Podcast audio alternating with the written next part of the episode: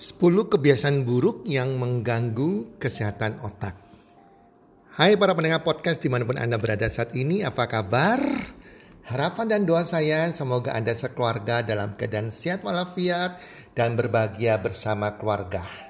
Teman-teman, pasti-pastinya saya selalu berdoa semoga Anda para pendengar podcast saya selalu bertambah rezekinya dari hari ke hari dan selalu bertambah yang namanya kesuksesan yang selalu mengikuti langkah-langkah Anda. Para pendengar podcast, kali ini kita akan bicara sedikit tentang kesehatan yang berkaitan dengan otak. Kesehatan adalah aset harta kita yang gak ternilai teman-teman karena kalau kita sudah sakit, wow, biaya sakitnya itu luar biasa mahalnya. Saya banyak melihat kejadian sekitar saya.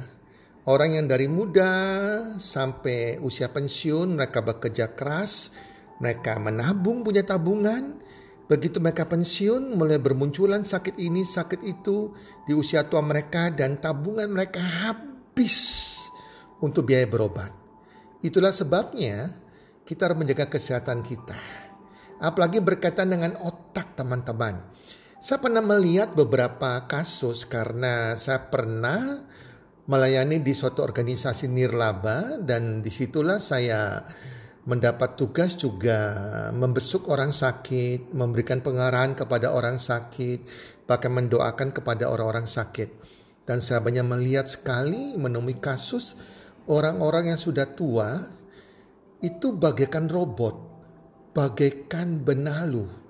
Mereka hidup tapi tidak hidup karena otak mereka sudah tidak berfungsi. Mereka lupa siapa mereka atau mereka hanya memandang kosong ya, tapi sudah tidak kenal orang dan ada yang sungguh-sungguh pikun, ada yang sungguh-sungguh cuma dikasih makan makan diajak bicara juga nggak mengerti lagi. Nah itu sungguh-sungguh menyedihkan bagi keluarga dan bagi yang bersangkutan. Tentunya kita ingin, kita semua ingin pada usia tua kita otak kita ini masih tetap bisa berpikir, otak kita ini masih berkreatif, masih punya ide-ide, ya bisa mengenal orang, Ya ini otak ibaratnya nih pusat komputer kita teman-teman ya. Jadi kita harus jaga teman-teman. Nah teman-teman yang membuat masalah di otak kita yang mempengaruhi kesehatan otak kita semuanya akibat kebiasaan buruk yang sering kita lakukan sadar atau tanpa kita sadari.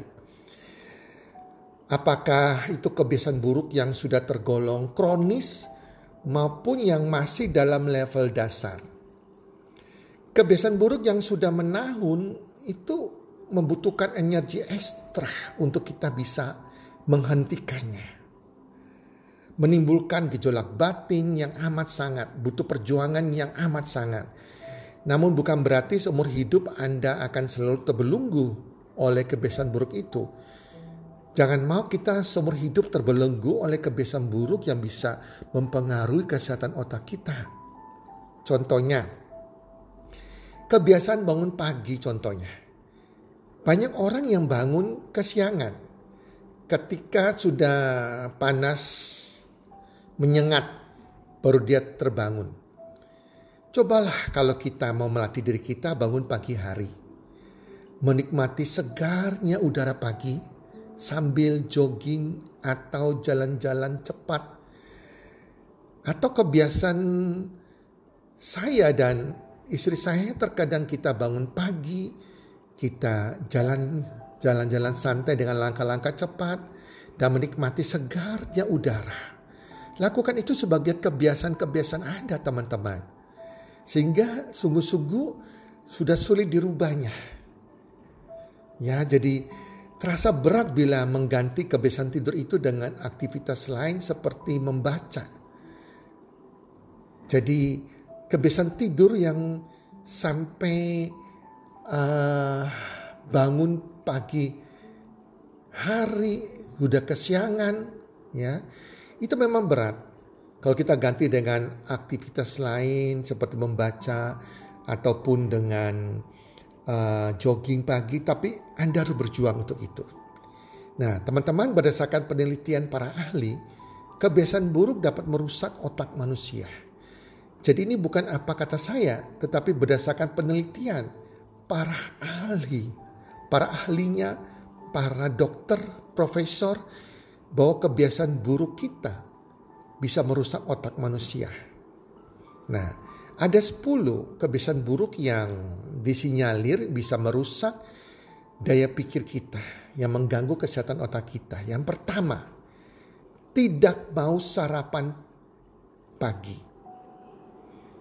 Banyak orang yang menyepelekan sarapan.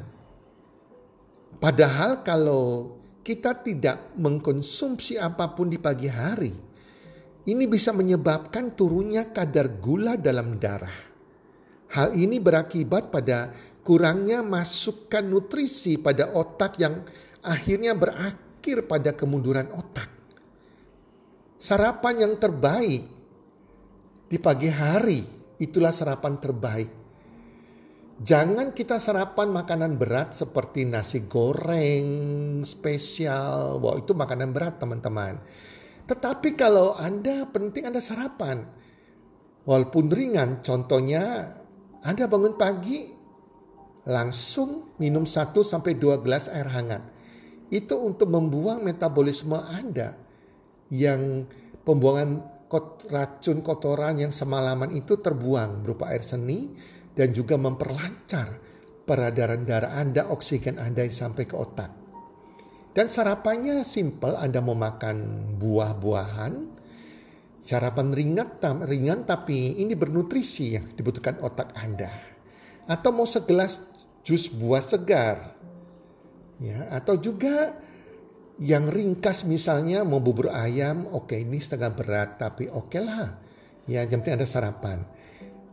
Mau makan telur di pagi hari itu mengandung protein bagus sekali teman-teman. Mau yogurt itu bagus sekali teman-teman. Ya segelas susu almond juga bagus sekali. Nah, atau juga Anda bisa segelas minum protein ya. Protein yang berkualitas itu bagus sekali. Saya dan istri saya biasanya kalau kita bangun pagi ya kita sarapan buah dan minum segelas high protein ya.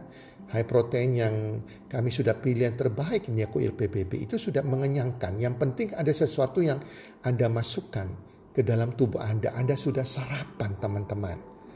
Ya. Oke, yang kedua adalah kebanyakan makan.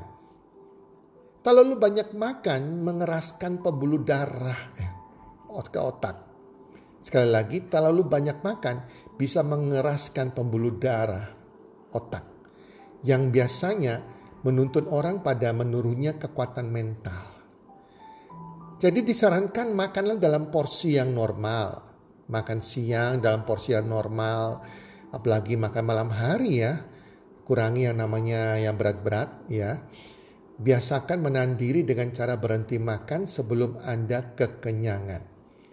Ya, jadi untuk menghindari kebanyakan makan, berhenti makan sebelum Anda merasa kenyang. Itu sangat bagus sekali sehingga Anda tidak kelebihan kalori yang bisa membuat Anda kegemukan dan bertumpuk lemak kalori di mana-mana. Yang ketiga adalah merokok. Jika rokok memiliki segudang efek buruk, semua orang pasti sudah tahu itu. Anda beli sebungkus rokok sudah tertulis efek buruknya apa. Dan ada satu lagi efek buruk yang dari rokok yang yang Anda harus ketahui. Ternyata merokok itu berakibat sangat mengerikan pada otak. Bayangkan, otak manusia lama-kelamaan bisa menyusut. Dan akhirnya kehilangan fungsi-fungsinya karena rajin menghisap benda berasap itu tak ayal, tak ajal di waktu tua, bahkan pada saat masih muda sekalipun, Anda yang perokok akan rawan terkena Alzheimer. Alzheimer ini adalah penyakit pikun lah, teman-teman. Jangan sampai teman-teman ya, penyesalan terjadi setelah belasan tahun, 20 tahun Anda sudah tua, Anda lupa pikun. Anda bahkan tidak kenal siapa diri Anda. Ini sungguh-sungguh dan menjadi benalu, Anda menjadi pohon hidup tapi tidak hidup teman-teman. Keempat, terlalu banyak mengkonsumsi gula. Para pendengar podcast, terlalu banyak asupan gula akan menghalangi penyerapan protein dan gizi. Sehingga tubuh akan kekurangan nutrisi dan perkembangan otak akan terganggu. Karena itu kurangi konsumsi makanan manis favorit Anda. Apa pun itu kue-kue, roti-roti, apa pun mengandung gula Anda harus kurangi bahkan kalau perlu hindari. Apalagi sudah punya diabetes, hati-hati, hindari sama sekali. Kelima, polusi udara. Otak adalah bagian tubuh yang paling banyak menyerap udara.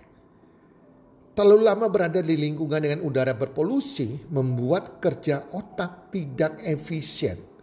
Otak akan mudah capek dan tidak kreatif. Ya. Keenam, kurang tidur. Tidur memberikan kesempatan otak untuk beristirahat. Bagi teman-teman yang sering melalaikan tidur membuat sel-sel otak menjadi mati kelelahan. Ingat teman-teman, otak juga perlu istirahat. Tapi jangan juga kebanyakan tidur karena kebanyakan tidur bisa membuat Anda menjadi pemalas yang lamban. Tidur yang baik adalah 6 sampai 8 jam sehari agar otak Anda bisa beristirahat, bisa sehat dan tubuh Anda bisa segar dan bugar. Ketujuh, menutup kepala ketika sedang tidur.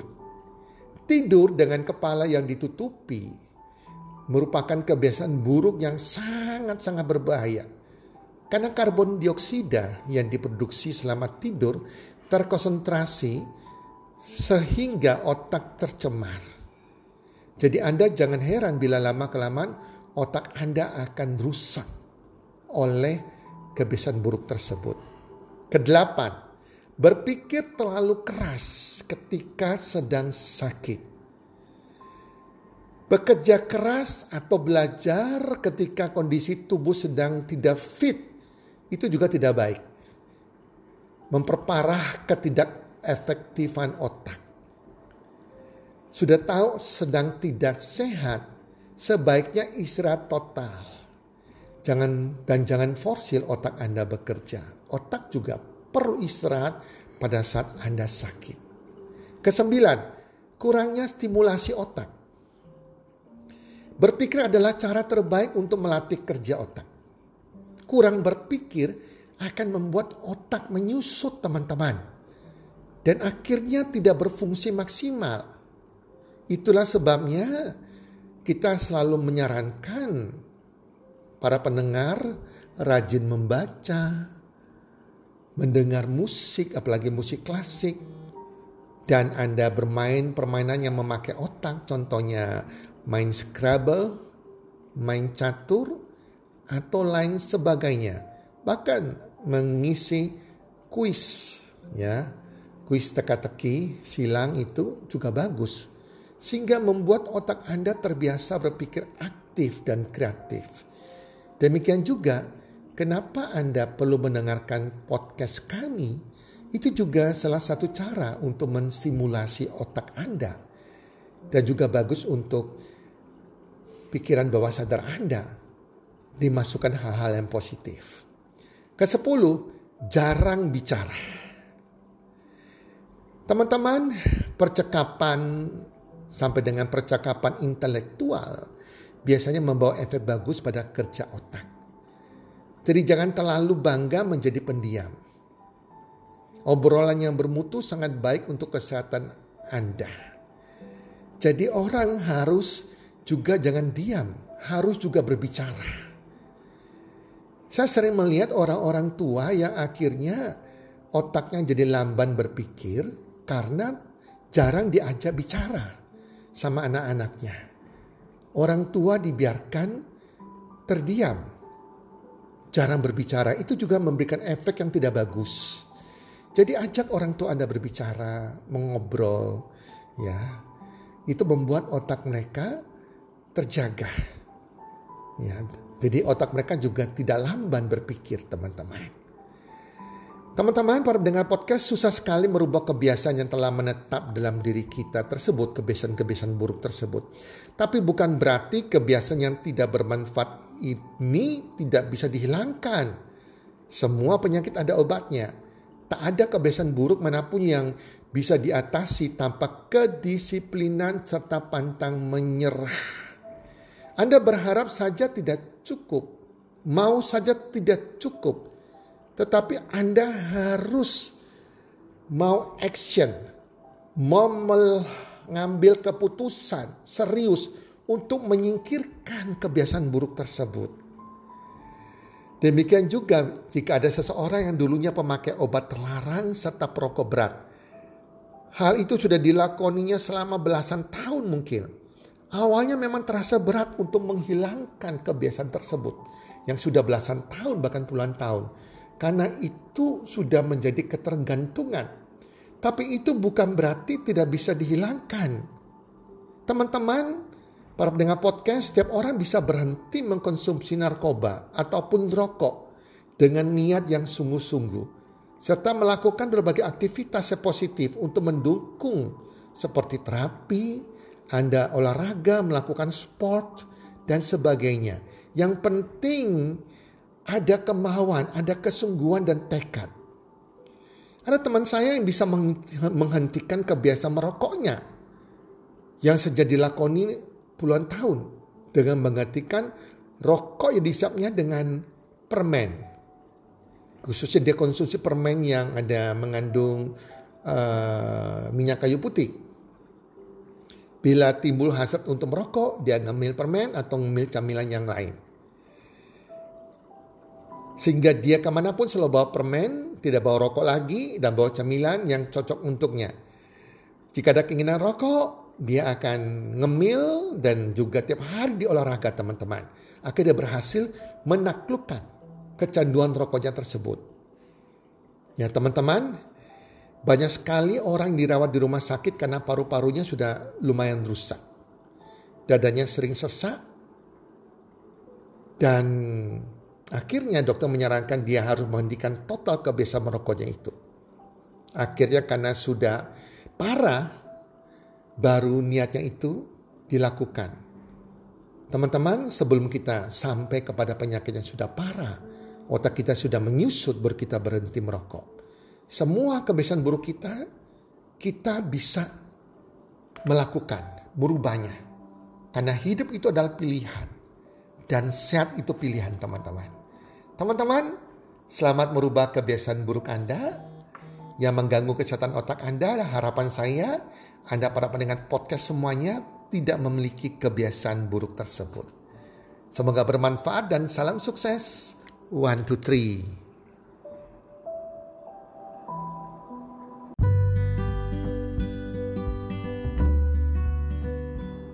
Terima kasih sudah mendengarkan podcast kami. Teman, jika Anda rasa bermanfaat podcast kami ini, Anda bisa menginfokan kepada rekan kerja Anda, keluarga Anda, teman ataupun sahabat Anda. Dan jika ada hal-hal yang Anda ingin tanyakan kepada kami ataupun topik-topik apa yang Anda ingin kami bawakan, kami sampaikan, Anda bisa DM kami di Instagram kami healthcommunity.id. Salam one two three. Salam sehat, sejahtera, dan bahagia.